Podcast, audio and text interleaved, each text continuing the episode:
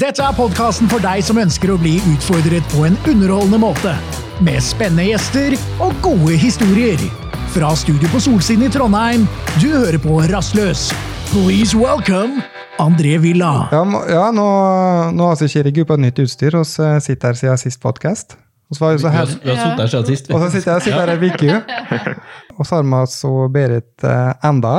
Ja. Eh, og så ble jo faktisk så nysgjerrige uh, i siste podkast at oss måtte helle åt litt lenger. Uh, og nå skal vi gå den uh, dypere inn på kosthold og ernæring. Noe som jeg har vært utrolig interessert i min karriere, og kan det kunne gjøre meg til en bedre ut- idrettsutøver. Og nå er det jo mer om kanten skal helle seg sunn så lenge som mulig i høy alder. Og du er ikke høy alder på det ennå, Marius, men du er kanskje interessert du òg? Jeg vil ikke si 38 er noe høy alder heller. Nei, ikke. Ja, og 38 det ble nå, ja. Jeg syns jeg begynner å bli 100. Da skal jeg begynne å Ja. tenke på Men, men, men du, eh, kan vi ikke begynne med lek?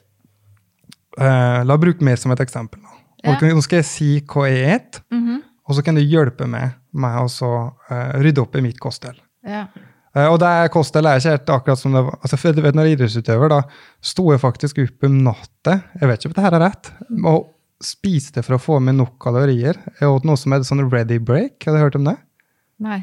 Nei, så jeg, jeg trente jo 40 varmegrader i Spania, eh, og jeg trente jo kropp, altså så hardt som kroppen kunne tåle hele tida. Lå helt på grensa. Mm. Så jeg hadde problemer med å få inn eh, nok kalorier. da. Eh, Men uansett. eh, ok, En sånn eh, typisk hverdag for meg. Står opp og et to brødskiver. Da kanskje med et kjøttpålegg, salami eller leverpostei. Um, ja, ofte kjøttpålegg. Ja. Og, og vann. ja. Og så kommer jeg til kontoret, tar en kaffe. Men uh, du vil ikke stoppe etter det? Skal vi ta måltid for måltid? Det kan jeg liksom? skal til det, det er smart. Ja. For hva brød er det du spiser? Eh, Hun hadde allerede noe. André, stopp nå. Nå tar vi måltid for måltid. Ja. Her er det ting å pirke på. ja, det er det. En, en fullkorn. Hell fullkorn på alt med pasta. Ja, men det er hvetemel. Moderne hvetemel. Eh, Det er, altså det er, hva heter det? Det er Det er ferdigkjøpt. Er Sunt og godt for Rema 1000. Det er ferdigkjøpt, sant? Det er ferdigkjøpt, ja. Tilsatt gluten sikkert òg, da. Garantert. Ja. Og da bytter du ut brødskiva. Ok. Ja. Bytte brød, mener du? Bytte brød, ja. Mm. ja. Så, så drar du ned på ei brødskive, og så legger du til litt avokado og et kokt egg.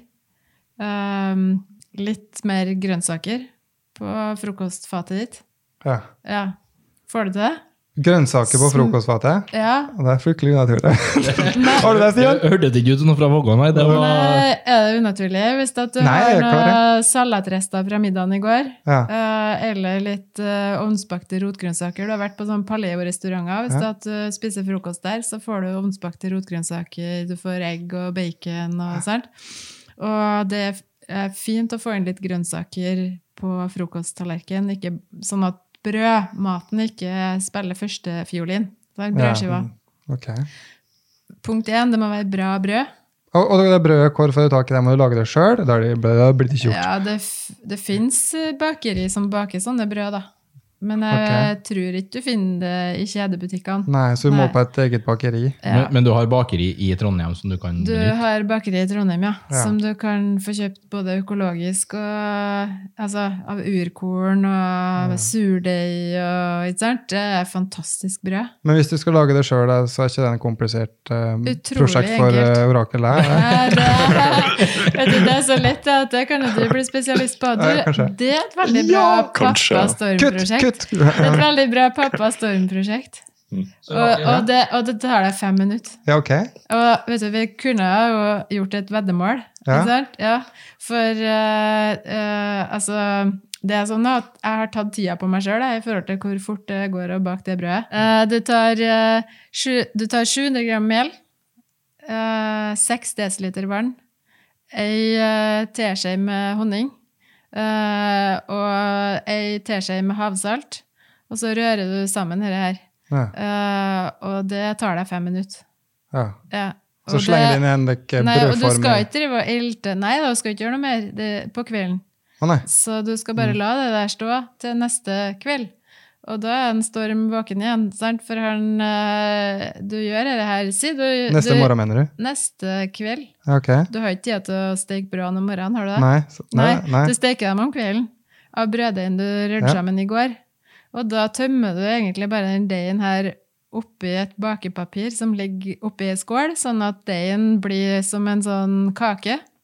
Så setter du ei varm gryte i stekeovn, og så lager du det som grytebrød. Når gryta har stått på 250 grader en halvtime, så er den god og varm som en bakerovn, så du trenger ikke å kjøpe deg det.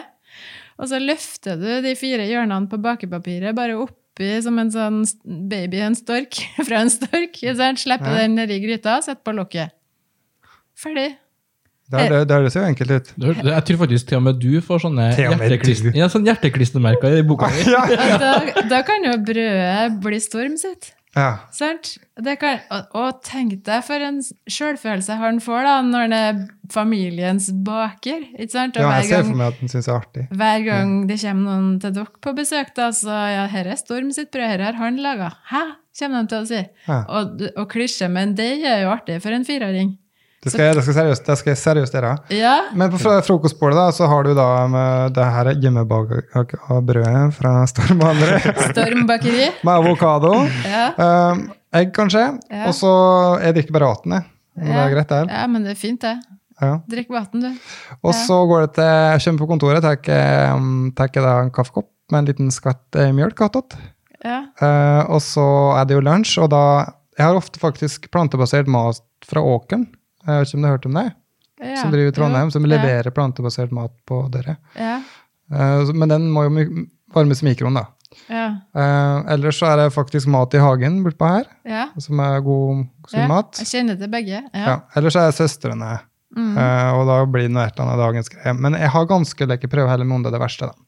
Ja, Ja. det, var, det var et eller annet dagens greie. Det var ikke noe nevnt om det burgerne på Søstrene. Det var, den glei bare forbi. Det vet du hva, den her um, rødbetburgeren der, den er faktisk utrolig god. Jeg er overraska hvor mye hvor godt det faktisk kan være ute av kjøtt. Stien Stian har ikke helt prøvd det ennå. Men, nei. nei. Nei, nei, Nei, det- må nei, det er ikke mye burger, faktisk. det er ikke det. Men også Nei. går det til middagstid, da. Uh, oss, eh, eller Rakel, da. Eh, jeg vil si ganske vanlig norsk eh, kosthold, men vi bruker en del pasta. Vi gir en del pasta til sønnen min òg, det er jeg nysgjerrig på, for jeg vet at du har sagt noe om pasta. Um, så det er egentlig lite potet, um, men ris Du vet at potet er mer næringsrikt enn pasta? eh, Nei, det vet jeg nå. Ja. Um, og så, så det er da ofte kjøtt. Um, ikke hver dag, men kanskje i hvert fall 60-70 av måltidene i uka. Mm. Um, du tenker over hva jeg spiser, egentlig. Men det er mye pasta jeg tenker mye med. ja. Hva, hva er det som er så uff med pastaen? Nei, altså Det fins jo bedre typer pasta enn den som er laga på moderne hvetemel. Det fins jo pasta som er laga på økologisk urkorn, men uansett så er ikke korn så veldig næringsrikt. Nei. Så der igjen er jeg redd for at det kornet i pastaen da tar plassen til annen næring på tallerkenen. Særlig til gutten, da. Ja. For han må heller få i seg et litt større fiskestykke eller litt mer grønnsaker eller en litt større bit av det bra kjøttet du serverer, Mm. enn den pastaen som blir mye vomfyll. da. Hva, hva er beste kilde til karbohydrater, da, etter din mening? Rotgrønnsaker. Ja. Ja. Så øh, ovnsbakte rotgrønnsaker er kjempegodt. Mm. Og, du kan, øh, og det har gjort det å ovnsbakt en regnbue. Sant? At det var sånn barneprosjekt. da. Ja. Hvis en står med meg på å legge opp alle fargene regnbuen på et bakepapir på ei stekeplate, og du har skåret opp da søtpotet og rødbet, og du har eh, grønne brokkolibuketter, og du har hele regnbuefargen, altså i striper bortover, ikke sant? Mm. Og det har jeg på hjemmesida mi, så hvis du altså regnbuegrønnsaker, eh, og så ovnsbaker du regnbuen da med litt olivenolje og havsalt på, så når den kommer ut da, hva du tror en storm synes det er artig å ete sin egen regnbue? ja. Det er jo det. Ja. Ja, og det er de her ovnsbakte rotgrønnsakene avkjøler du, og så oppbevarer du det i bokser i kjøleskapet, sånn at du har grønnsaker for hele uka. Du trenger ikke å ovnsbake hver eneste dag, du kan ovnsbake litt større mengder i flere etasjer i ovnen. Så du må ha litt matprepping Ja. for å få kabalen til å gå opp, føler jeg. Skjønner. Ja. Men, men André, når du sier Du sa jo i sted kjøtt. At dere har mye kjøtt. Men hvordan kjøtt har dere? Nei, det var, jeg, jeg, Det jeg, var litt- tenkte det det egentlig så ikke- Og så er jo ta, Taco Friday! Jeg Ja. spiser mye, ikke mye taco, men taco er en Ja. jeg vet ikke, Det er Det kanskje kan mye være bra, salt i det her eh, krydderet, kanskje, men det, er- det er vel kjøtt, ganske kjøtt er, bruker, kjøtt det, liksom? Ja, da, da bruker jeg karbonadedegg. Ja. Hvor kommer hvor kommer det Berit? ja. Nei, men jeg vil jo at den uh, karbonaden skal komme fra en økologisk uh, gård, da. Ja, og da må Ja. på en annen butikk da, eller? er det- Nei da, du ja. kan kjøpe det på de store kjedebutikkene, men da blir det litt dyrere. Men det Mm. du gjør da, du drar ned på mengden karbonadedeig, og så tilsetter du to eh, sånne bokser med bønner, sorte bønner i tillegg. Ja, Så du ja, det får litt godt, protein protein fra bønner sammen med proteinet fra karbonadedeigen. Så har du, da har du oppnådd å få samme prisen. Mm. Ikke sant? Sånn at du, du kan til og med Altså, jeg har brukt én pakke økologisk karbonadedeig på åtte personer altså til taco. Når jeg da erstatta med like mye sorte bønner, og så laga jeg tacogryte, som jeg har oppskrift på hjemmesida mi. Så hvis du søker tacogryte og Nordstrand, så kommer den oppskrifta opp. Og det, det er kjempegode smaker. Litt kjøtt og mye plantebasert. Og det, og det smaker jo taco av, det, av alt. Jeg mener, det er jo tacokrydderet som setter smaken. Ja. Og hva smaker egentlig karbonadedeig, da? Smaker ikke spesielt godt hvis Nei. du snavler den. Så jeg opplever at jeg kan dra ned betydelig på det kjøttet, altså og få mer og mer bønner inn. Uh, uten at familien min reagerer, i hvert fall. Ja, bønner, på bønner er egentlig godt, men det er ofte glemt bort i norsk kosthold. Det er også ikke så mye til det. Kukuleskjett vel kanskje Det har jo ikke, ikke så mye smak, så jeg føler det har mye med sauser og krydderblandinger. Er sånn som løk og hvitløk og salt og pepper og sånn her. Det er det som lager smak. Så jeg bruker, jeg bruker faktisk å ha halvt om halvt cirka. Om bønner Ja. og biff eller bønner og kylling eller bønner og fisk i tacoen. Mm. Så uh, Det gjør vi òg. Veldig lurt. Mm. Ja. Men hvis en skal okay, Men La oss middag, da. oppsummere middagen. Da, ja. så er det liksom mer, mer grønnsaker, mindre kjøtt, en mindre tallerkenmodell, hvis okay. at du vil høre den, da. Færre enn Ja. For det at eh, når du forsyner deg, da, så legger du Si du dekker halvparten av tallerkenen med grønnsaker, da. Og så har du en fjerdedel med animalsk protein. Kjøtt, fisk, egg, ost. Avhengig av hva rett du spiser. Og så har du en fjerdedel med stivelsesrike ja, poteter eller pasta. Så, og da, hver gang du forsyner deg, om du skal ha to porsjoner, så kommer det med en halv porsjon grønnsaker, da. ja. Du får liksom ikke snavle en ekstra kyllingfilet, Mm. liksom. Det, det, du bør følge litt den her tallerkenmodellen for å få det rike utvalget av råvarer du trenger. Og så skal du toppe dette med bra fett. Så jeg lurer på hva sauser har du, liksom? Hva fett er det du bruker når du spiser middag? Godt spørsmål. Altså, egentlig bruker jeg litt i saus. Eh, Så hvis du er et kyllingfilet, for eksempel jo da, det er noe saus. Jeg skal jeg ringe og spørre? Ja?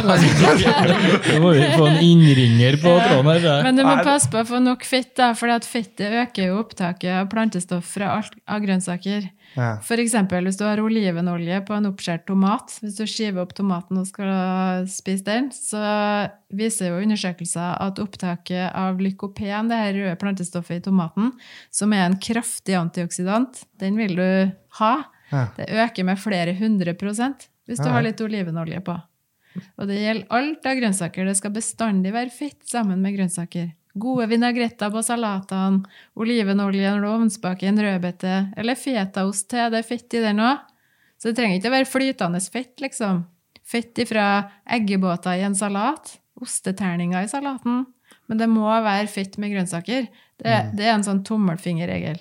Ok. Ja. Ja. Hvordan fett er det som er greit, da? Altså, kokosfett er greit. Hvem er Ja. oliven, olivenolje? Er det bra? Eller Ekstra virgin olivenolje er sånn bra. kaldpressa er greit? Ikke den andre. Mm. For når den ikke er ekstra virgin, så er den ja, Den er behandla veldig Ja. hardt, sånn at mye av de fettsyrene mest sannsynlig er oksidert og ødelagt. Da. Så du vil ha den som er ekstra virgin. Jeg bruker å kjøpe sånn avokadoolje som er pressa. Ja. Men jeg vet ikke om det er vits å bruke tid og penger på, egentlig. Men det er jo, for da er det i hvert fall rett ifra avokadoen som er kaldpressa fra de. Men det får man ikke på Rema. Nei. Det er kanskje ikke noe vits. Nei, og så skurrer det litt i forhold til hvor bærekraftig det er. da, For at avokadoene i seg sjøl er jo ikke så bærekraftig produsert. Så når det også skal presses til olje, så Det er, et, Shame on Ja. det er nok Nei. sikkert kanskje bedre å Så jeg prøver å spise europeisk avokado. Det blir litt komplisert nå, men du kan se på eh, Mye avokado er dyrka i Spania. Mm. Men det er også noe avokado som har reist forferdelig langt. Og da tenker jeg at det er flott da, at vi har fokus på bærekraft òg. Mm. Og at avokadoolje, sånn ut ifra hva jeg har forstått, er mindre bærekraftig da, enn olivenolje. Så olivenolje er greit, og sånn ordentlig meieri, meierismør er greit. Smør er greit, men du vet, når lytterne hører noe på hva fett som er greit, da, så må Mm. ikke liksom fråtse i kokosfett er heller. Så vi skal ikke ha noe mye, da. En teskje MCT-olje i en kaffekopp, det er ikke veldig mye vi snakker om her nå. Så vi skal ha vi kan ja, visst at vi skal ha 50% av kaloriene fra fitt, da. Vi kan Mm. kanskje ha enda mer, avhengig av hvilken, eh, hvilket kosthold du har satt sammen nå. Men, eh, men da skal jo eh, En desiliter To tredjedel Ja. være umetta, og en tredjedel være metta. Så hvis du fråtser i animalsk fett, Mm. smør og rømme og fløte og greier, så kan du ikke legge kokosfett på toppen. Det blir veldig Da fort blir det eh, veldig kvoten, mye metta fett. sant? Så du må liksom ha en balanse der, da. Det er ikke sånn at 1 dl fett er ca. 800 kalorier eller noe sånt. Så du, det er jo ikke mye, da. Hvis du, hvis du lager det til saus, så spiser du jo fort en 20-30-40% av kaloriinntaket noe sånt, bare på fett. da. Ja. Det er mange som har misforstått det der med slanking. At uh, ikke noe fett, liksom. Du, vet du, det er så gærent, det. Det er så gærent, det. Forbrenninga går jo rett i kjelleren. Sant? Så til slutt så kan de jo ikke uh, se på et wienerbrød engang uten å legge på seg. Sant? Du tåler jo så lite. Eh, så du må opp med fettinntaket, for da øker forbrenninga di. Så kan du sitte på ræva mens du går ned i vekt. Ja, Jeg mener jo ikke at det er å anbefale, for du skal jo bevege deg. ja, Men det som er misforstått, det er jo at det går an å trene seg ned i vekt uten å legge om kosten. Mm. For det er fryktelig vanskelig. Da skal du trene veldig mye. Ja. Eh, og så klarer du ikke å holde det, vet du, for du må jo trene flere timer om dag hvis du skal klare å trene deg ned i vekt. Det er mest effektivt, da, i hvert fall for helsa sin del. Hvis du legger om kostholdet først, sånn at du får dempa inflammasjon i kroppen, og så får du en økende energifølelse, sånn at du får mer lyst til å ut og bevege deg. Det er jo den metoden jeg øh, har foredrag om. Mm. Jeg har skrevet ei bok om hvordan du kommer i form, sammen med Ulrik Wisløff, og øh, hvilken, altså, øh, hvilken mat som forsterker treningseffekten. Eh, og den heter En ny start. Og der kan du gå da fra sofaform og fjernkontroll og Netflix, liksom, eh, og helt feil fôr, eh, til å legge om litt hver uke, sakte, men sikkert. Og etter tolv uker så har du fantastisk kosthold og en kropp som har kommet i form. Ja, Og det at du gjør det gradvis, gjør at det føles mindre slitsomt. ikke sant. Ja, Sant? Og det at du gjør det gradvis og lærer om hvorfor du skal spise de forskjellige tingene, uh, gjør også at det er lettere å beholde den livsstilen. Mm. Og så kjenner du jo på kroppen hvor mye bedre du føler deg. Ja. Så, sånn som en av mine pasienter sa, vet du hva? Nå har jeg altså blitt slank, ja, men jeg er slappslank. Altså, Mm. hvis du lar være å spise, og du kutter kalorier, det er klart du går ned i vekt. Mm. Men det er ikke sikkert du blir slank og Nei. glad, eller slank og sunn, eller slank og energisk. Altså, jeg vil jo bare at folk skal ha overskudd til livet, ha en frisk kropp og energi til å ja, legge ut på livets Men vi reise. avslutter, men her er kostholdet mitt. da. Ja. Så kan nå se til middagen, Middagen, ja. som nå er helt forandra. Etter praten Ja. nå blir det helt forandra. Eh, og så går det jo noen timer, så blir det sulten igjen. Og da må jeg innrømme at da er det jo samme greia. Da Da er det jo uh, brød. ja. Ofte brød med pålegg. Um, altså nå, det er visse unntak som er bedre og sikkert dårligere, men Mm. eh, liksom gjennomsnittlig så er det jo kveldsmaten òg inneholder dette med brød. da. Mm. Nå sa du at frokosten skal da inneholde kanskje egg, avokado og like ting. Eh, men eh, hva er du til kveldsmat, eksempel? Er det Um, vi bytter jo middag og kveldsmat, vi. Så vi spiser jo middagen litt senere, så da blir det, noe, det blir ikke noe måltid. Hvis du snakker måltid 1, 2 og 3, da. Ja. For vi er litt hengt opp i hva måltidet heter i forhold til hva vi spiser til måltidene. Så hvis vi nuller ut det der, da? Jeg kan godt spise en omelett til frokost. Eh, jeg kan eh, spise eh, havregrøt, kaldgrøt, som jeg har satt i kjøleskapet kvelden før. Jeg kan Eh, en avokadotoast med chiliflak og posjert egg. Kjempegodt. sant? Jeg kan spise salatrester fra i går med litt rista grytebrød med litt smør på. Eh, men da er det en kraftig salat altså med ost oppi og kanskje noe spekeskinke og à la brokkolisalaten min, som jeg har oppskrift på på bloggen. Kjempegod, mettende salat. Ja. Um, og ja, det er liksom frokost. Mm. Um, middag, da setter vi opp da to dager i uka. Hvis vi setter opp på den tavla, da, jeg har ei krittavle på veggen, hvor jeg skriver opp da mandag, tirsdag, onsdag, torsdag. Uh, og så skriver vi fisk på to av de dagene. Vi må ha fisk to dager. Og én vegetar. Da har du ikke plass til all kjøttmaten din. Da, da har det blitt mer bærekraftig både for kloden og kroppen. Mm. Ikke sant? Så en sånn tavle er fin for ungene. Storm, gutten din på fire, han gleder seg da til torsdagen. Der står det altså Kan stå pannekake der, men da får han også ertesuppe, sant? Mm. Han får noe annet som er bra. Pannekake er mer dessert, da. Ja. Men det gleder han seg på. Det er kanskje det han har bestemt. Mm. Ikke sant? Så um, ja. Og på fredagstacoen så kan du ha eh, Innimellom kan du ha både torsk og laks i tacoen. Altså på Bra godt med en Klaus så laga vi torsketaco med jalapeños og Vet du, det, det var helt sykt godt. Du, i, i eh, tacoens eh, Altså i tacoens hjemland så er ikke kjøttdeig på den tacoen. Det er alle Mexico. Ja. Det er helt annen type det taco. er, all, det er bitte små lefser. Ja. Uh, alle mulige forskjellige kreative, både vegetarretter og fisk og kjøtt oppi der. Det er ofte laga korn. Lefse der. Mais, ja. Det er mais. Um, Hva mener du mais? Det er ikke nysgjerrig på. ass. Nå er ikke Ja, her, ma- Fullkorns mais er bra. ja, men er det sånn at vi får genmanipulert mais til Norge òg? Ja, det er vel det, sikkert. Men, Jeg altså, det sies at vi ikke skal ha det, nei, ikke sant? For men det er jeg vet heller ikke. Nei, Nei. den er stygg. Så Det- derfor så velger jeg Hva kan du si om altså, antall måltider per dag? Eh, som idrettsutøver så ble jo lært at en skal ha flere måltider, da. Men du, Ja. du høres ut som du refererer til tre måltider. Ja, det Ja, kommer det er jo. Som idrettsutøver så må man jo tilrettelegge matinntaket i forhold til treningsøkter og sånn, så det Ja. blir jo litt unntaket fra regelen, da. Sant? Fordi at en må ha flere litt mindre måltid, eller, og mer energirike måltid, ut ifra en enorm eh, kaloriforbrenning, og så må en ikke ha de store volumene, for en skal jo på trening igjen. Sant? Men hvis vi snakker nå Ola Nordmann, altså de aller fleste er ikke toppidrettsutøvere, så eh, er det helt greit å tilpasse det individuelt. Eh, det her med antallet måltid. De aller fleste syns det passer fint å ha tre måltid om dag, men det finnes også en god del som trives med to måltid. Ikke sant? Det, og det er ikke feil. Det er ikke noe som er rett og galt her. Bare de måltidene er satt sammen sånn at kroppen får i seg alle de byggeklossene kroppen trenger for å få gjort jobben sin for deg.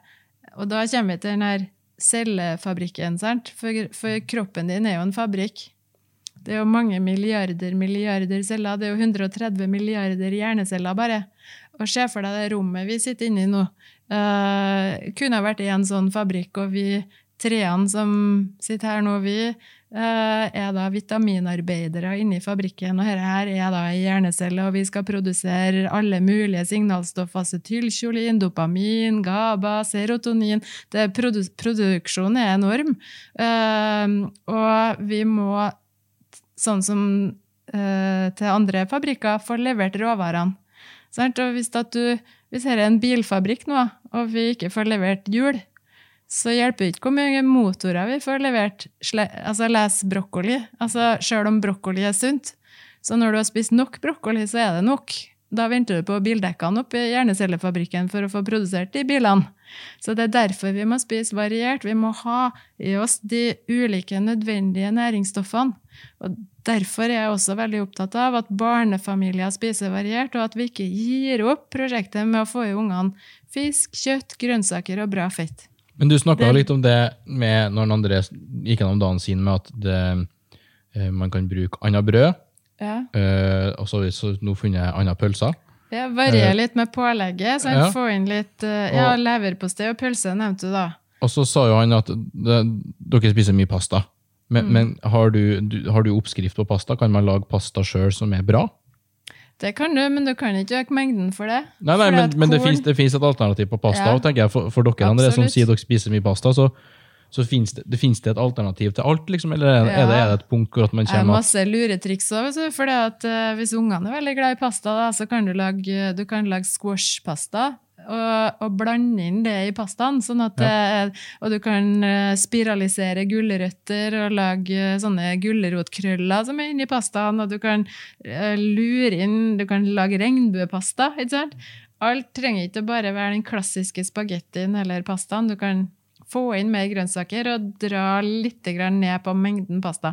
Hvis du ser i Italia, for eksempel, jeg, jeg møtes jo veldig av det argumentet hele tida at jo, jo, men italienerne spiser jo mye pasta, og de er jo ikke sjuke, dem, liksom. De spiser, De spiser ikke så mye, ikke så mye pasta. De De spiser spiser lite. veldig mye salater og sjømat. Og, og den uh, mengden pasta Mm. de spiser, er ikke så enorm. Altså, det, vi spiser ikke italiensk mat her i Norge på samme vis som italienerne spiser den italienske maten i Italia. Det er Det er mange som har lavt stressnivå også på en sånn testelest. så det, det er sånn typisk norsk å lese forskjellige ting, og så misoppfatter man litt statistikk. Så når jeg leser de spiser mye pasta, men så er det de som bor i en region som de har veldig lavt stressnivå, spiser de veldig økologisk og pasta. Så da blir det veldig mye omtriksing på den statistikken. Da. Ja, men også er det jo sånn at uh, italienerne de spiste jo urkorn før dem òg. Så den gangen pastaen altså, virkelig var sunn, så hadde de hadde, det var en annen pasta tidligere òg. Nå har vi muligheten til å kjøpe pasta av urkorn her òg. Det fins økologisk speltpasta på de aller fleste butikkene. Uh, og så igjen så slår det meg da at ok, den er i hvert fall dobbelt så dyr da som den andre pastaen. Ja, men da må du dra ned på mengden. Og så må du legge, ned, legge til grønnsaker, for grønnsaker er billig. Du sliter med å få grønnsaker til over 20 kroner kiloen. Altså, og i sesongen så koster hodekorn 3 kroner kiloen. Liksom. Jeg lurer på hva bonden får. Det er helt latterlig. Det er forferdelig at det skal være så billig. Altså, jorda vår eh, og- grønnsakene som blir produsert, altså det blir mindre og mindre mineraler. Tar du noe tilskudd på som mineraler, eller er det, gjør du det? Jeg tar noen tilskudd, ja. Eh, Ja, for du er veldig rett i at eh, jorda utarmes. Ja. Vi bruker jo ikke naturgjødsel eh, i like stor grad lenger. Det er kunstgjødsel. Og vi driver ikke noe vekselbruk heller, annet enn hvis du driver økologisk jordbruk, da, som gjør at eh, mindre mikroliv i jorda og dårligere næringsopptak i grønnsakene. Og det der har jeg diskutert med mye eh, flinke bønder som er veldig opptatt av jordkvalitet, for det er bakteriene i jorda som eh, hjelper plantene sine røtter til å ta opp næringa. Det er akkurat det samme som bakteriene i tarmen din hjelper kroppen din til å ta opp næringa. Mm. Um, og derfor så må vi spise mer nå i volum for å få i oss de vitaminene og mineralene folk fikk i seg før av mindre volum. Eller vi kan ta tilskudd, da. Mm. Altså, jeg spiser tilskudd, ja, jeg gjør det. Jeg gjør Jeg tar tran, og så tar jeg D-vitamin, Ja. og så tar jeg jod, for jeg får ikke i meg nok fisk. Ja. Sink og selen tar jeg, for ellers så virker ikke joden. Ikke sant? Ok. Eh, eh, ja, det er vel det jeg tar. Ja. Tar du B6 og B12 og sånne her ting? Nei, Eller det får får, jeg nok? nok av. Får nok ja, og så spiser jeg, jeg spiser noe fermentert hver dag, og da Mm. øker du jo opptaket av de her. Så, så det, jeg sørger for å få i meg eh, syrna, modna og fermentert mat. Men der, der lurer jeg på, på noe, da, for det er jo For dem som er friske, så er det jo eh, på en måte eh, ok å følge en sånn, sånn rutine. Eh, Jeg var sjøl, som jeg innrømmer at jeg har prøvd flere ting for å bli sunnere, eller Jeg er faktisk ikke usunn, som mange skulle tro heller. For jeg har gått til en del ernæringsfysiologer, og sånn de siste årene for, for fem år siden så hadde jeg en operasjon som skapte en nerveskade til meg som gjør at jeg har én funksjonell fot. Og så går jeg på en del medisiner som gjør Jeg har litt over dobbelt opptak av fett. Plutselig. I kroppen min. Jeg må sa- ta hele historien. Det var faktisk en ganske trist historie der. Du, du hadde jo en syster i ryggen, hvis jeg Mhm. kan tillate meg En siste. Syst, ja, syste, Ja. syste i ryggen, Mm. og så var inne i operasjon. Mm. Og så gjorde kirurgen rett og slett en feil og kappa en nerve på den, som har gjort at den eh, ene foten hans er vel på en måte lam, da. Ja, framside lår i venstre ben, så er det ingen følelighet eller funksjon. Så nå har jeg en sånn der hjelpeskinne som jeg må løfte foten når den går. Så hvis den tar den av det, så detter den rett i gulvet. Det har vi prøvd flere ganger. Eh, Men jeg, jeg prøver jo også um, Jeg drikker ikke mer enn et par ganger i året, så den eh, er ikke noe sånn. Vi, vi er blitt veldig fokusert på grønnsaker og sånn hjemme til oss. Nå skal jeg si at vi, vi spiser jo en del eh, kjøttdeig, eller sånn. Vi er ikke så flinke på hvilke produkter vi velger der. Men, men jeg har prøvd ganske mye forskjellig. Men, men er det noe sånn For min del er det noe sånn supermat som jeg kan Eller kanskje farlig mat jeg burde unngå?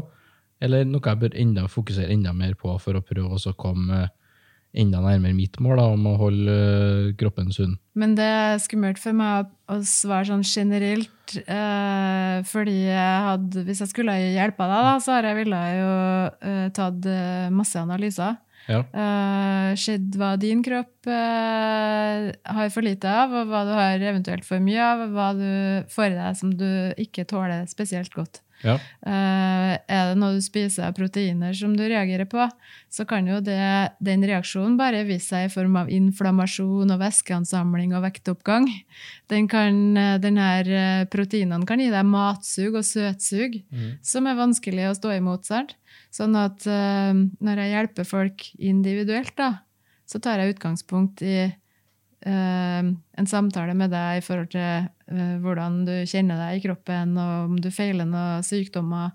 eh, går nøye gjennom alle måltider. Hva spiser du, hva drikker du gjennom ei uke? Tar de blodprøvene som jeg trenger å ta. Og så kommer jeg med råd. Ja. Sant? Så Sånn det, det er eh, såpass individuelt til alle sammen at det blir Nei, men du har jo en spesiell problemstilling som du presenterer. Ja. Og da må du få en spesiell uh, oppfølging. Uh, men generelt, hvis jeg skal gi et generelt svar, da, så er det å opp med inntaket av fett og, og gå kraftig ned på inntaket av karbohydrat. mm, Og kutt rotgrønnsaker og spis grønnsaker som vokser over jorda. mm, Sånn som korsblomstgrønnsaker, kålfamilien, brokkoli, blomkål, rosenkål, grønnkål, fråts i grønnsaker.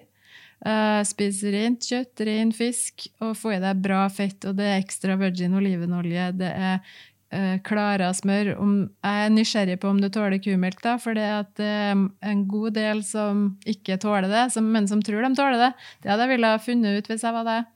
Jeg håper jeg tåler det. Jeg er noe sånn ordentlig sånn eh, vokste opp på landet og drukket melk siden jeg var Ja. ja. Ja, men, Men- det er ikke sikkert du tolererer det noe spesielt bra for det. Så det Ja, allergitest. Altså en Intoleransetest, ja. Ikke intoler- allergi, nei. Nei, intoleransetest. For hadde han vært allergisk, så hadde han ikke sittet her da, hvis han drikker melk som en kalv. Men uh, en kan godt ha melkeintoleranse. Uh, altså, det er ganske typisk at dem som drikker mest melk, er kanskje dem som tåler det dårligst. Da, da det- hørtes ut som meg. prater med faren min, fytti grisen, han drikker mye melk. Ja, Ja. Hosta og hørka. jeg, jeg tror jeg, er- jeg, det tror jeg er kan på et sånt gi inflammasjon, rett og slett, og litt sliming og ja. Så uren hud er en del som får Nå skal ikke vi snakke ned melk sånn generelt, jeg er jo ikke imot melk, men min erfaring er at folk tåler den melka mye bedre i form av syrna meieriprodukt og ost enn av søtmelk, som mormora mi kalte det. Den her drikkemelka som gir de fleste utfordringer. Kanskje vi skal ha en konkurranse i løpet av mai, da, så skal vi se mellom meg og deg André, hvem som lager et sånt brød kjappest. Ja, kanskje Ja. det? Tar du utfordringen? Ja, jeg skal, jeg skal i hvert fall lage brød. Ja. Så, men eh, ja. Du er best på morrabrød. Akkurat nå er du best på morrabrød, men Ja, det er, ja, det er ikke så dårlig på meg. Ja, det er ikke enten-eller, da. Det er ikke enten eller. Nei, nei det spørs. Vil har begge deler. Han Ja. har litt, han har litt svingninger. Ja, det, ja eh, og der følte faktisk Bireskaret med, med svingninger og humør. Å ja, humør, ja. Vi. Ja. Er ikke humør, men, men det med blodsukkeret Hvor utrolig viktig det var for at jeg trefte på deg når jeg skulle ut og konkurrere og levere mitt beste. Absolutt. Det var så stor forskjell. Det var, det var liksom en uh, Forska mye på det her, ganske treffe. Mm. Man skal ikke, jeg vil ikke- jeg vil prate litt mer om mjølk. eh, Ja. Fordi altså, er det altså, De fleste som drikker mjølk, eh, argumentet mors er jo at det er en hoved... eh, altså, det er for kalsium, da. Ja. Men er det utfordrende å få i seg nok kalsium ved ikke drikke mjølk? Eh, ja, du trenger ikke å drikke melk, du kan ete ost. Ja. Du kan hete yoghurt. Det, det, er jo altså det er masse kalsium i parmesan, i altså norsk hvit geitost. Det er mer eh, kalsium der enn i vanlig hvitost, til og med.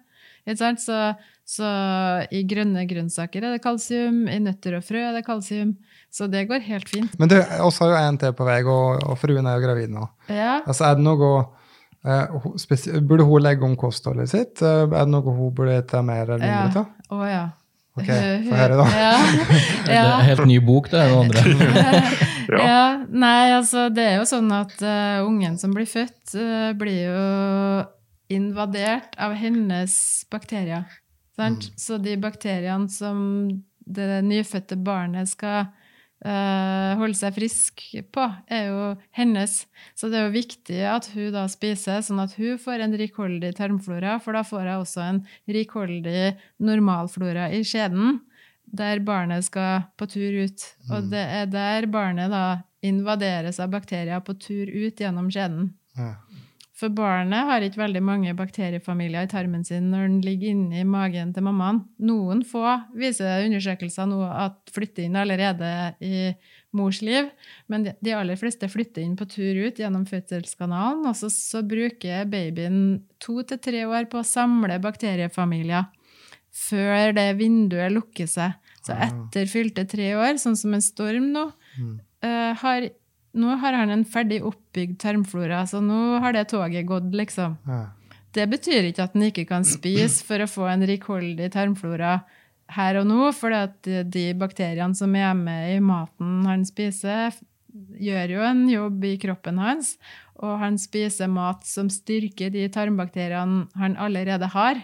Men det flytter ikke inn noen nye slekter permanent etter fylte fire år, så, sånn som det ser ut i dag. Det, det er den kunnskapen vi har i dag. Men kan det være mer Derfor er spesifikt, da? Syrna, ja. Surmelk, yoghurt, eh, altså syrna og modna mat. Ikke sant? Masse grønnsaker. Mm. Få bort sukker og kunstig søtt. hvor farlig er sukker, eksempel? Altså, Ja, sjokolade bort- godteri eh, Ja, skrotmatdagen. Ja. Du kan ha en skrotmatdag, for du ødelegger ikke tarmfloraen av det. Nei. Sant? Og, og det er ikke sånn at du dør av sukker, men du, nå snakker du om å optimalisere. da. Ja, absolutt. Der, Altid, Så, vi, livet. så hvis det var meg, så hadde jeg ville forholdt meg til den skrotmatdagen både når det gjelder deg og, Mm. og Rakel og Storm. da. Ikke sant? Og sørga for å få mat for en rikholdig tarmflora for dere alle tre. Sant? Det, og, men det er særdeles viktig for undersøkelser som faktisk er gjort av eh, forskningsgruppa i Trondheim, viser at når den gravide spiser fermentert eller syrna Det var eh, yoghurt som var med i undersøkelsen her, da. Eh, så beskytter den barnet mot astma og allergi, blant annet. Ja. Så det, det er bevist at det er bra for helsa til barnet at mor spiser um, syrna mat. da. ja. Så Vet du noe, altså litt sånn off topic, men vet du noe om kan trening påvirke eh, altså Burde man trene mye når man er gravid, eller burde man ikke trene mye? Altså, hva det, får barnet noen effekt av mors trening? Eh, det har ikke jeg sett noe forskning på. nei, jeg er bare nysgjerrig på hva Ja, Barnet på påvirkes av stress og for lite søvn. og sånt, sånn Det at det, det er viktig å få sove nok og ikke stress. Mm. Og, eller å, å bru, benytte metoder for avstressing, da. Ja, ok. Eh, sånn at eh, Men det blir veldig sånn generelt, da. Mm. Så um, ja, jeg tenker jo at um, det, det kostholdet som jeg skriver om i Tarmens medisin, eh, føler jeg ut ifra den kunnskapen jeg har, er, en veldig god eh, oppskrift til gravide, da. Eller til, til oss alle. ja. Ja, jeg, måtte, jeg måtte spørre litt om dette der, for jeg bryr meg om henne hjemme, så klart. Så. Ja. Så, og har jeg mye søtsug, da, så finnes det jo bra søtt å spise. Jeg var med, vet jo hvor fint det er. Ja.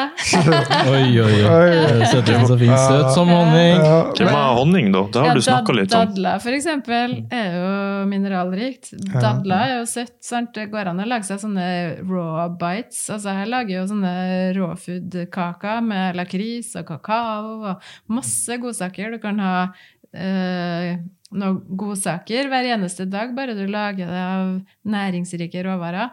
Og du kan bruke litt honning, eh, og helst rå honning, da. Små barn under ett år skal ikke ha honning, men det handler ikke om at honningen feiler nå. Det handler om at det kan være bakteriesporer i honningen da, fra produksjonen. sant? Så derfor skal ikke barn under ett år ha honning. Men uh, honning inneholder jo fiber som styrker de gode tarmfloraene. Honningens, Sødmen i honningen er med på å styrke gode tarmbakterier, som så produserer næring til kroppen din og holder deg frisk. Når, når du sier råhonning Ja, det er den honningen som ikke er varma opp for å bli flytende på sånn klemmeflaske. Ja, okay, Ja. Den mm. honningen som er tjukkere. Skjønner. Så det her er klassiske gule, oransje er Ja, den skal ikke jeg si at ikke er varma opp, men uh, Kjartanshonning, for eksempel. Soløyhonning. Altså, det er mange. Altså honning Mm. fra bondens marked. Honning på butikken som er hard, da. Ja, mm, Ja. skjønner. Så Men det, det du egentlig mener når du sier at man kan lage egne ting, så egne søtsaker eller for å mette søtsukker, det, det du egentlig mener, den andre, at du kan lage til Rakel. ja. Man kan. Mannen kan. Ja, mannen kan. Ja. når du er gravid, da. Jeg lager jo det på Facebook Live, eksempel. På hjemmesida mi så har jeg lagt ut videoer. og? Det er ikke komplisert, men du må være villig til å bruke tid på det. Ja. Begynner Nei, men bli jeg- jeg- lite unnskyldninger til Nei, slutt. men er du helt seriøst? Jeg er sykt inspirert. Helsedirektoratet vet du, de har jo sånn 300 gram Det er en sånn, en sånn rapport jeg leste. Altså sånn 7 av all, all energien kommer fra sukker, og de 85% spiser for lite grønnsaker i forhold til noe de har funnet ut. F.eks. 250 gram. Det er, så mye, det er så mye rart. Det er mye Ja. Det er Ja. bra at du tar en tak på det her Men, eh, feltet, her, for det er, så, det er så mye å ta opp. Så mye som er gærent. Ja, men det som er greia, er jo at det må individuelt tilrettelegges Ja, ja. bedre. Og, Det er jo- altså, det er ikke er, Hvordan kan altså- de si at du trenger 250 gram grønnsaker? Nei, det er akkurat det. Men uh, La meg spørre dette her, da. Altså, du har fått litt pepper i media på en, en del ting du har sagt i forhold til kosthold. Ja, det er Men- fint, det. Jeg Ja. syns egentlig ikke at jeg har fått så mye pepper. jeg. Jeg? Ville ha trodd at det skulle bli mer enn som så. Ja. Ja, eh, for det at eh, det er eh, Ja, rett og slett når en stikker frem nesa si, Mm. eh, og etter hvert blir såpass profilert, så vil det alltid være noen som vil dytte av den eh, posisjonen du har. Mm, det er klart. Det er klart. Uh, nærmest uansett om det ikke er noe faglig uenighet også. Eh, Det er ulike motiver de skal ha for å angripe. Um, så, og det har jeg jo visst om lenge, at sånn kommer det til å bli. Så det har jeg egentlig forberedt meg på. da. For det, sånn er det med uansett hva fag du snakker om. Vil jeg, Mm, men- altså, Men det faglige uenigheter her er det mye på at Altså, en eneparten, eh, altså som nevnt, bra for Ola Nordmann, men at du setter høyere krav til hva som er et godt, godt kosthold, og at det ikke er helt samsvar, samsvar dere mellom der? Nei, altså eh, Jeg opplever ikke at det er så mye som avviker i utgangspunktet. her, For jeg snakker jo om grønnsaker, ren fisk, rent kjøtt, bra fett. altså Der er jo Helsedirektoratet stort sett enig, men de tenker at vi skal spise mer korn og mager melk, og der er vi ikke enige, da. Mm. Jeg mener at i den grad vi skal ha i oss melk, så bør vi ha velge syrna meieriprodukt, fullfeit yoghurt, rømme, smør og minst mulig bearbeida produkt. Og så mener jeg at vi ikke skal ha i oss så mye brødmat som vi gjør i dag. Og det er ikke bare fordi at brødet ikke er like næringsrikt, sånn som jeg snakka om i sted, men det er også fordi at eh, de aller fleste nordmenn de baker ikke brødet sjøl. Så det er ikke veldig bra brødmat alltid det her er snakk om. Du, er det ikke Så- litt er ikke, nå avbryter jeg det litt, men er det ikke litt rart at Helsedirektoratet er uenig i det her? For hvis man tenker logisk på det, når vi var sånn tuleboere og sånn, vi hadde jo ikke tilgang til noe annet enn helmelk og hele dyrene og planter vi fant. Og det er jo i tråd med det du mener, at. Liksom lite bearbeida naturlige ting. Mm. Men så mener Helsedirektoratet at man skal ha ting med lite fett, som vi har sjøl fjerna fett ifra. Mm. Så jeg, jeg syns det er veldig logisk at, at du har rett, men det er så liksom frustrerende og rart at Helsedirektoratet har, har litt sånn andre, litt sånn gamle ideer. da.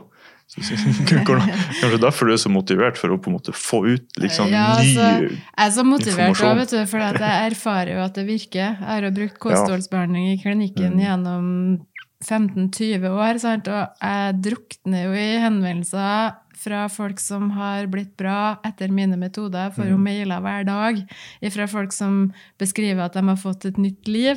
Sånn at jeg er nødt til å bare fortsette å fortelle og fortelle og fortelle.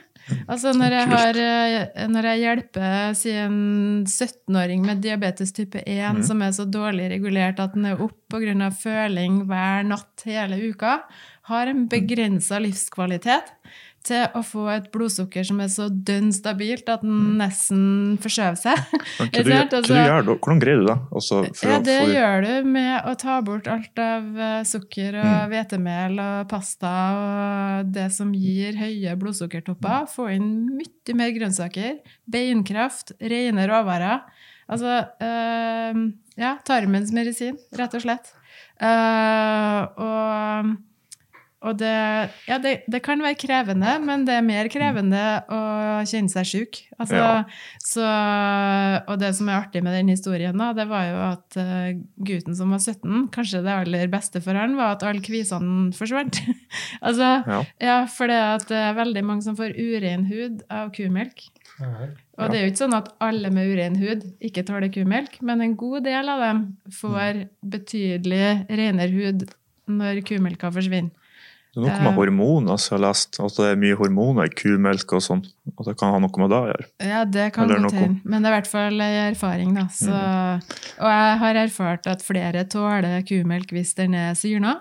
Mm. Eh, Det har jeg erfart gjennom lang tid. Jeg har også erfart at flere tåler urkorn. Når du, altså flere med irritabel tarm da, blir mye bedre når de begynner å langtidsheve deigen og spise de gamle kornsortene istedenfor det her moderne hvetemelet.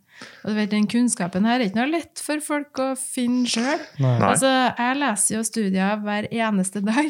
Mhm. Nå har jeg jo kjøpt meg infrarød badstue, så nå har jeg, Ja. nå har jeg altså en time om morgenen med studier nedi badstua.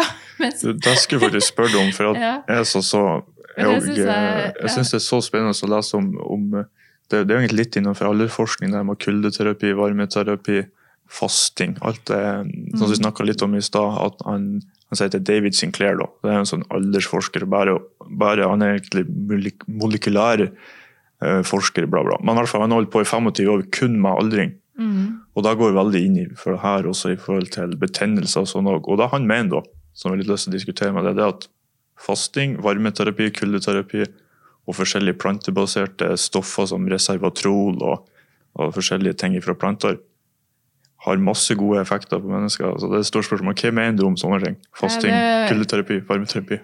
ja, det fins masse forskning på det. Jeg har lest hundrevis av studier på hvordan maten bremser biologisk aldring i kroppen. Mm. Det handler om noe som heter telomerforkortning. Mm. Altså Inni cellene dine så har du noe gen. Ja, genoppskrifter. Mm. Og på uh, genene så er det festa ja, litt på samme måten som teipen rundt skolissa. Altså Mm. Telomeren er den det stykket av skolissa med teipen på, og så Mm. er res resten av skolissa er liksom genoppskriftene dine. Mm. Og for hver gang cella deler seg, så blir den teipbiten litt kortere og kortere, og kortere, og til slutt, Ja. når den er borte, så dør du. Ja. Og den telomerforkortninga, da, liksom på, det er det som er din biologiske aldring. Ja. Så hvis du lever på dårlig fôr, beveger deg lite og stresser mye og sover for lite, så forkortes telomerene dine mye fortere, og du blir fortere gammel. Du kan ha en biologisk alder på 70 om du er 40 år. Sant? Og Mm. bli tidlig skrøpelig og ha dårlig livskvalitet. Men så har vi så mye kunnskap i dag. Vi vet jo hva som bremser telomerforkortninga. Blant annet resveratrol, som du snakka om nå, som fins Har du lest om det? Ja, ja. Ja, Og eh, Det- det påvirker eh, denne prosessen, da. Mm. Og det er en hel mengde andre plantestoff som Mm. også påvirker den prosessen. Og da har jeg skrevet ei bok om akkurat det, nemlig. Okay. ja, som heter 'Tolv år yngre på tolv uker'. Oi. Og der kan du altså legge om kostholdet ditt, sånn at du bidrar til å bremse fremskynda aldring. Det er jo ikke at du endrer fødselsdatoen. Nei, akkurat, kanskje men noen tror det. Du, du endrer, du ser jo vanvittig ung ut for alderen. Du er sprek, du er engasjert, Mm. du har energi som en 20-åring når du er 70. Så kult. Det er jo det Kult det handler om, å kunne leve livet sterkt. Jeg tror, jeg tror André allerede har lest den, for sånn, eh, han er jo den av oss som virkelig ser eh, Du ser jo ung ut for alderen, og du har jo sånn kostholdsmessig så virker du ganske stabil i forhold til at uh, du driver med noe som kanskje skulle ha gjort deg litt skrøpelig. Ja, ikke sant? Nei, faktisk uh, back in the days, ikke i 2006-2007, så hadde freestyle motocross som jeg driver med, da, det, um, det er en ganske ny sport. Uh, så det ble etter hvert en kultur, men det var liksom sånn høy partyfaktor i starten, og det var sånn som snowboard var i tidlig stadie. Ja. Der ingen tok det noe særlig seriøst. Så jeg var kanskje den første idrettsutøveren eh, i sporten som begynte virkelig å ta det seriøst, det der med kosthold og, og trening. da. Um, så jeg er jo den fyren som alltid hadde med meg sånn kjølebag med mat når jeg skulle på det her løpet og rundt Yes. omkring. og og hadde, jeg hadde jo en, min personlige trener da, eh, som har trent meg i 20 år. Han er jo tidligere verdensmester i kickboksing. Og hatt litt av reise sjøl, faktisk. Han, er faktisk fra Jamaica, han opp i London. Eh, og vært bodyguard for Steven Spielberg i ti år. Eh, Jobba i filmbransjen og var ernæringsekspert for eh, mange av skuespillerne. Så jeg lærte mye gjennom han. eh, Men nå som jeg er mindre idrettsutøver, så havner jeg mer inn i det norske kostholdet. Men jeg merka at dette med brød, da, for den spanske dietten, der er det jo mye mindre brød enn det er i Norge. Så støtten har jeg vært spadet spade en periode, og jeg kommer til Norge og går, kommer mer inn i en rutine og spiser brød til liksom, kanskje da frokost, lunsj og kveldsmat. og du, blir, du kjenner det på kroppen, faktisk. Ja. Eh, det gjør jeg. Men da er det feil for deg. Da er det Det feil for meg, så tilbake til spørsmålet til Stian, så har jeg vært bedre, ja. Eh, Men eh, nå blir vi inspirert til å bli enda bedre og få litt enda mer kunnskap fra det, så eh, ja da, Mm. der har du den. Men jeg er litt, jeg er litt interessert i hva du mener om fasting. For at eh, jeg jobb, har jobba med noen sånne her fra India. De lager jo sine egne Det blir sikkert du glad for å høre. De lager sine egne sånne her type kimchi og sånn for tarmbakteriene. Ja, Og så forteller de med da sånn her Du er nødt til å faste, Marius, mange ganger i året for å bekjempe kreft og alt mulig. Altså, du har kanskje lest om det òg? Det er jeg veldig interessert i hva du mener om. Ja, jeg skriver jo litt om faste i den boka som vi snakka om. Den heter 'Ta vare på deg sjøl, tolv år yngre', på tolv uker, den boka. Uh, og jeg skriver litt om faste i tarmens medisiner. Og eh, grunnen til at jeg tar det inn, er jo fordi det faktisk er forska på at det er vist at det er bra at vi ikke spiser hele tida. Vi er ikke som kyr som går og gresser. Vi må ha litt pauser mellom måltidene. Vi skal ikke hjelpe å ha mellommåltid hele tida. Vi skal spise, spise en mat som gjør at vi er forsynt egentlig frem til neste måltid. Så vi skulle kunne klart oss på to hovedmåltid, men tre hovedmåltid er fint. Men å ete fem, seks og sju ganger, altså sånn som veldig mange gjør, og putte i seg noe smått imellom, det er med på å ødelegge for reparasjon og vedlikehold. Så nattefaste er veldig viktig, og det er flott å kunne faste sikkert over ett til to til tre døgn nå. Det jeg oppsummerte da når jeg leste den forskninga som jeg tok inn i mine metoder, var jo at du Når jeg har skrevet om fasting, så har jeg lest mye forskning på fasting og sett at mye av effekten får du på 24 timer. Så du kan sikkert faste i mange dager, men du oppnår mye på 24 timer. Og så er det ikke laga for meg å faste, for jeg trives ikke med det. Så jeg trøster meg med at du får eh, veldig bra effekt bare av å nattefaste òg. Hvis du prøver å ha tolv timer mellom kveldsmaten og frokosten. Tolv da- timers faste. ja, og det er flott for dem som da ikke er noe glad i frokost, som har dårlig samvittighet fordi de hopper over frokosten. Det skal du ikke ha, da. For det- da forlenger du bare nattefasten og vedlikeholdet og reparasjonen i kroppen din. Fortsetter når du ikke uh, begynner å spise. Og det er det som skjer med den fettkaffen din. da. Ja. Hvis du tar en kaffe med litt MCT-olje oppi, Ja. så har du ikke brutt nattefasten ennå, for det er karbohydratene som bryter den. Sånn at du, at du fortsetter da med en Du tar en kaffe som du blir litt forsynt av. For hadde det ikke vært MCT-olje i den kaffen, så hadde du bare kanskje blitt sur i magen. Sant? Men en liten kaffekopp med en teskje MCT-olje, eller kokosfett, eller Klara-smør, eller hva du har oppi, i morgen så skal jeg lage eh, sånne raw food bites eh, og kuler sammen med Tiril Leikhoff og Ingrid Tandrevold. Ja, ja. Og de er jo inspirert til å lage seg bra godt for kroppen. sant? Ja. De har lyst på noe å kose seg med, som ikke er hveteboller og vafler, liksom. Men de lager jo også vafler av gode byggeklosser. Jeg lager oppskrifter til dem, da.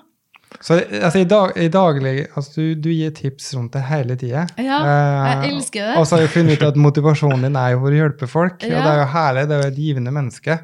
Uh, og jeg lurer på om du har noe å gi til vår verktøykasse òg? Um, Ja, ja vi, vi trenger jo litt der òg.